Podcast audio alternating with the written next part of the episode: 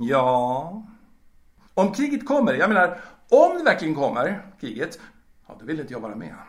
Jag säger bara, jag vill inte vara med. Därför har jag beslutat att om kriget kommer, då ska jag ta livet av mig. Jag funderar på bästa sättet att ta mig av daga. Cyanidkapsel av glas användes av många tyska örlogsofficerare 1945 när de visste att ja, loppet var kört. Amiral Friedburg till exempel hade sagt citat jag står inte ut med tanke på den cirkus som strax ska börja. Och så bet han till. En, en glasbehållare, en cyanidkapsel som han krossar med käkarna som vore det en motspänstig ärta. Ja, kanske. Men det hela ger mig samtidigt en olustig känsla i magen. Man föreställer sig att hur cyaniden bränner till i magsäcken och sen sprider sitt gift genom armar och ben och... Ja... Det går så att säga för långsamt. I alla fall för mig. Nej, i så fall revolver. Det går i alla fall raskt. Vet ni? Jag kommer att tänka på Ivar Kryger i Paris. Där han står på sitt kontor med sin revolver. Kan ni se honom? Kan ni se honom framför er? Vad tänker han på då undrar jag? Jag menar, just innan han skjuter, den där dagen, den ödesdigra dagen 12 mars 1932. Tänker han på de spruckna affärerna? Alltså gått åt helvete genom depressionen. Pengarna som rinner bort. Tiotusentals kronor i minuten. Det handlar om, om skammen att förlora sitt imperium. Skänker han en tanke till sina fem syskon som nu får en bror som skämmer ut hela släkten genom att självmörda sig? Eller är det älskarinnan Ingeborg som han skulle vilja ge en sista kyss? Äh, förmodligen tänker han bara på sig själv. Att det är synd om honom. Att det är synd om honom. Jävligt synd. Revolver, jag vet just inte. Det blir så blodigt. Jag tycker synd om städerna som måste ta hand om den här smörjan sen. Intorkande blod i parketten med det, som, som på Siva Kryger. Det kan vara svårt att få bort det. Det beror på hur länge liket legat där det ligger.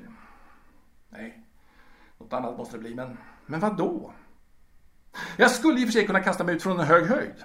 Om ni känner till Stockholm så vet ni att Katarinahissen för en upp till en sån höjd, en sån hög höjd, där det finns en bro varifrån en del folk förr i tiden hoppade. Innan man ja, monterade upp ett, ett slags inkapslande skyddsräcke som gör eh, hart när omöjligt att klättra över. Nej, glöm det, har jag sagt till mig själv.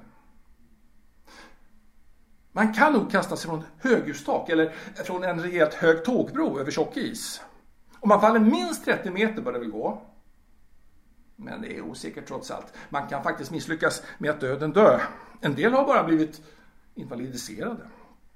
Nej, det är inget sånt som jag vill satsa på. Det måste vara ett säkert kort. Det ska vara ST-kortleken. Eller Jokern. 100% död. Trygghet. Svenskt honnörsord.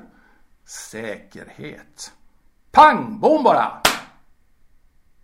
Att drunkna ute till havs är väl det ideala. Där kan man sjunka säkert en kvart och har då fortfarande inte kommit till botten. Ja, förmodligen ligger man där nere ett tag och vaggas lätt av strömmarna så här fram och tillbaka. Innan man, ja, ruttnar och långsamt blir uppäten av avsättare. Men då måste man förstås ta sig ut i båt. Jag är inte helt främmande för den möjligheten. På Finlandsbåten stod jag höstas i flera minuter i skymningen. Helt ensam. Medan Sveriges konturer försvann akterut. Alla andra hade gått in för att äta kvällsmat i de uppdukade restaurangerna på båten. Eller dragit sig tillbaka till sina varma hytter för natten. Men jag, jag stod ute vid relingen och fick käftsmällar av kastvindarna och tänkte. Vet ni? Om man ramlar i under natten har man 99% chans att lyckas dö. Den sista procenten som utgör undantaget är om man, trots att man försökt göra sig tilltag, ändå olyckligt nog får ett vittne till hoppet. Ja, någon snäll och välmenande jävel som slår larm och ja, kaptenen kommer och förstår ni och vända hela fartyget och, och, och sen eh, liksom cirkla runt så här och cirkla runt och runt och runt och runt. Jag vet, det är så det går till. Först när båtens ledning gjort eh, ett eh, ordentligt försök och inte funnit människan som fallit över bord, som det kallas, beslutar sig kaptenen för att ge upp sökandet sätta fart mot Finland igen. Ja, han har då gjort sin civilplikt som en människa Resten blir polisens sak. Nu är det hans ämbetsplikt att se till att resten av passagerarna levande kommer fram till destinationen Åbo. Eller Helsingfors. E- eller Mariehamn. Ja, men vad vet jag? Men ändå. Att sjunka genom havets tystnad och, och sjunka och sjunka. Författaren Virginia Woolf hon dränkte sin flod. Hon fyllde sin överrock med stora stenar för att lyckas. Hon kunde ju ha misslyckats. Ja, om hon kränkt av sig överrocken efter att ha ångrat sig kunde hon säkert ha tagit sig upp igen. Att stoppa in huvudet i en gasugn som en annan författare, Sylvia Plath, gjorde är ett sätt som heter duga. Gasen på bara, sen in med skallen sittandes på huk framför spisen. Men även hon kunde ju ha ångrat sig. Det enda hon hade behövt göra hade varit att dra ut huvudet ur ugnen innan hon blev alltför uh, eh, dimmig. En tredje författare, Vilhelm Moberg, gick ut i havet i Väderviken 8 augusti 1973. Klockan är 20 över sju. Jag går att söka i sjön. Sömnen utan slut. Hade han skrivit i ett efterlämnat brev. En gång överdoserade jag sömntabletter. Alltså, jag var inte ute efter att eh, hala ridån. Nej, inte då. Jag ville bara sova efter att ha varit uppe hela föregående natt. Min flickvän Anna kom dock hem, fick upp mig ur sängen och sen blev det ambulans till sjukhuset och, och magpumpning och, och sådär. Som jag sa, det var inte meningen att jag skulle försöka ta livet av mig då. Det, det var ju när allt verkade lugnt, stilla och ordnat här i landet. Vad jag vill säga är att piller kan vara en hjälp, men även här finns det en risk att misslyckas. Och då lever man snöpligt nog vidare. Ja, nu ska jag erkänna en sak. Jag överdrev nog lite i början när jag pratade om Ivar Kryger, industrimagnaten ni vet. Och, ja, trots min, min tveksamhet mot att skjuta mig har jag faktiskt ordnat en revolver. Ja, jag har den här. Ja, här. Och jag har lärt mig hur man laddar. Ja, jag har kulor. Nu ska jag visa hur man laddar.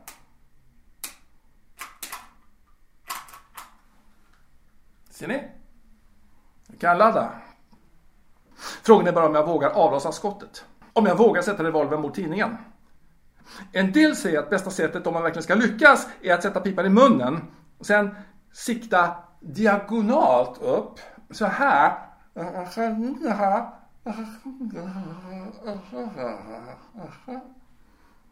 Då skjuter man sönder alla vitala delar av hjärnan och då kan man väl säga att det definitivt är kört. Kanske du undrar, varför skjuta sig själv istället för att skjuta fiender? Jag menar, det är ju det man gör. Det är det man gör i krig. Skjuter folk alltså. Ska man ändå dö, då kan man ju ja, ta några med sig. Helst hur många som helst. Helst så många som möjligt. Bara det handlar om fiendefolk. Då är det ju sin ordning. Ja, det är faktiskt något som uppmuntras av krigsmakten. Eller försvarsmakten som man säger idag. Vet ni hur man gör för att skjuta folk utan att bli straffad? Jo, man inrättar krigslagar och så vänder man ut och in på civillagarna. Så det som man får livstid för, det applåderas istället då. Ja. I USA kan man få purpurhjärta och bronsstjärna.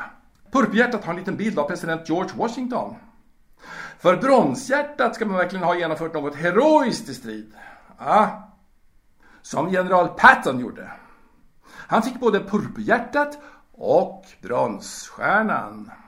Han blev inte mer än 60 år, så jag vet inte om han hann få något riktigt utbyte av det där, ja, metallhjärtat och den där stjärnan. Patton, han eh, trodde sig vara en återfödd gammal krigare i Napoleons armé. Eller kanske en romersk legionär. I varje fall hade han krigat enligt färdigutbildat redan i tonåren. Född krigare. Och sen en väldigt död krigare. Nu ska jag berätta varför jag vill. Varför jag vill, varför jag vill avsluta det hela om kriget kommer.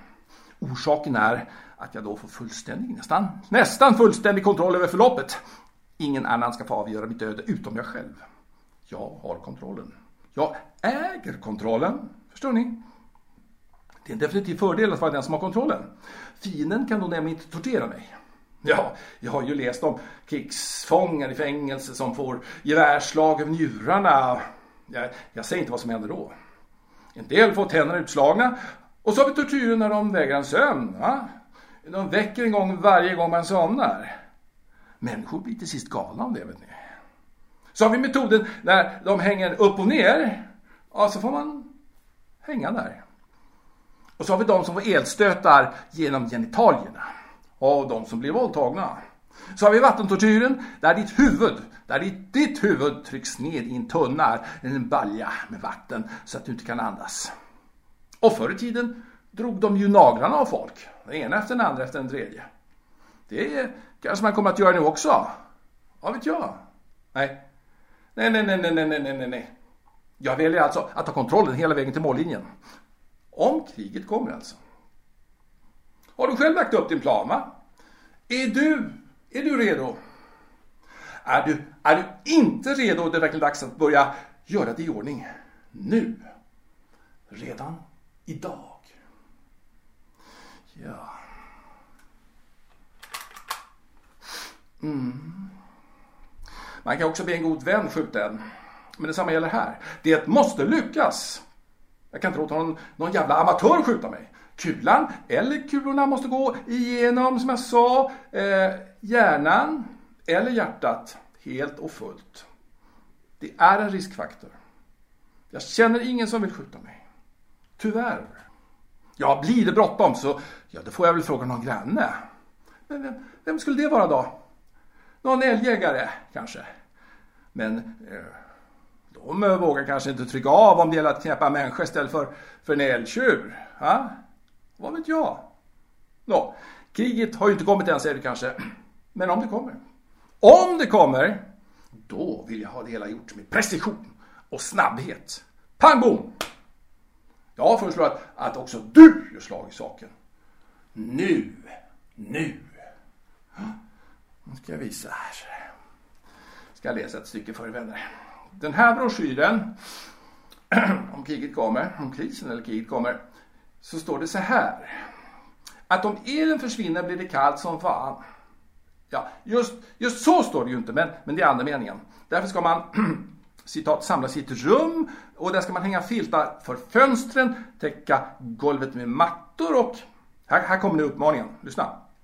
Bygg en koja under ett bord för att hålla värmen. Koja? Det blir nog knepigt att baxa in en trebarnsfamilj under bordet. Sen ska man ha, låt mig se, tre liter vatten per dygn och vuxen står det. Och därför gäller det att fylla på ordentligt i plastdunkarna innan det hettar till ordentligt. Ja. Släck alla ljus och alternativa värmare innan ni somnar, står det också. Detta beroende på eldfaran. Sympatiskt av författarna tänka på eldfaran. Det här avsnittet, det här avsnittet är intressant. Om toaletten inte fungerar under kriget kan du, citat, ta kraftiga plastpåsar eller plastsäckar och placera i toalettstolen. Ja, fiffigt. Man paketerar alltså skiten lika prydligt som man gjorde med hundskiten. Och sen kan man ju slänga bort knytet i en därför avsedd behållare ute på stan när man rastar sin vovve. För kommunikationen föreslås att man håller sig borta från sociala medier. Mobilen nämnt lite kort men framförallt föreslås att du använder en radio. Citat. Som drivs med batteri, solceller eller vev. Just det där med, med vev, ja, det intresserar mig. Vevradio, var finns den? Är det ungefär som en, som en vevgrammofon? Jag har en liten radiola. Nej, jag föredrar nog mer kontroll. Jag funderar på att bygga mig en elektrisk stol. Detta då innan kriget bryter ut. Jag tror jag skulle kunna få en helt fungerande stol. Ritningar går nämligen att hitta på nätet. Ungefär som ett IKEA-bygge. Problemet är alltså inte själva byggandet utan vem som ska slå på strömmen när fienden närmar sig. Det är sannolikt svårt att slå på den själv om man nu ska sitta fastspänd till händer och fötter. I alla fall måste man vara ordentligt fastspänd vid stolen och inte försöka resa sig när stunden uh, närmar sig. Kanske man prövar med att ha högerkardan fri i alla fall och, och på något vis lyckas man slå på strömmen. Ja, det kan floppa ändå. Felaktig dragning av ledningarna Eh, eller elavbrott just när man ska komma till va? Massa arbete nedlagt och ingen lön för mödan. Nej. Ni kanske frågar, men har han inget att leva för? Ja. Men varför inte vända på frågan och säga så här. Har du inget att leva för? Va? Du som lyssnar, har, har du inget att leva för? Blir det inte intressantare då egentligen? Men vad bryr sig du om mig, va? Egentligen? I det närmaste ingenting. Man är ett ingenting för andra. En nolla, en person som flimrar förbi bara medan man tänker på annat. En röst, ett ansikte, en gestalt. Det var han, och det var hon. Jaha. Säg mig, vad är ett ingenting värt? Just det. Ingenting. Ingenting kommer av ingenting, säger kung Lear hos Shakespeare. Och det har han ju tusan så rätt i. Man är ett ingenting som inte gör något alls för någon annan. Man är i ett tomrum. Visserligen ser det ut som om det finns någon hemma i skallen. Man ser någon prata till exempel, eller sjunga eller dansa eller skratta, men det är ju egentligen alldeles tomt där bakom. Där bakom pannbenet. Ödsligt, det riktigt ekar. Man ropar hur man bara sitt eko. Och det är klart, om man är ett ingenting, då gör det ju detsamma. Om man tar och knycklar ihop detta ingenting och kastar bort det. Eller bränner upp det. Eller dränker det. Eller skjuter det sönder och samman. Eller hur? Bort med det, bort med det bara. Jag har ingenting att leva för. Du har förmodligen ingenting heller att leva för. Så åt fanders med alltihopa. Bryt sönder det, krossa det, förinta det. Låt kriget komma bara. Låt kriget komma. Jag är redo. Jag är mer än redo. Och jag hoppas att du är redo.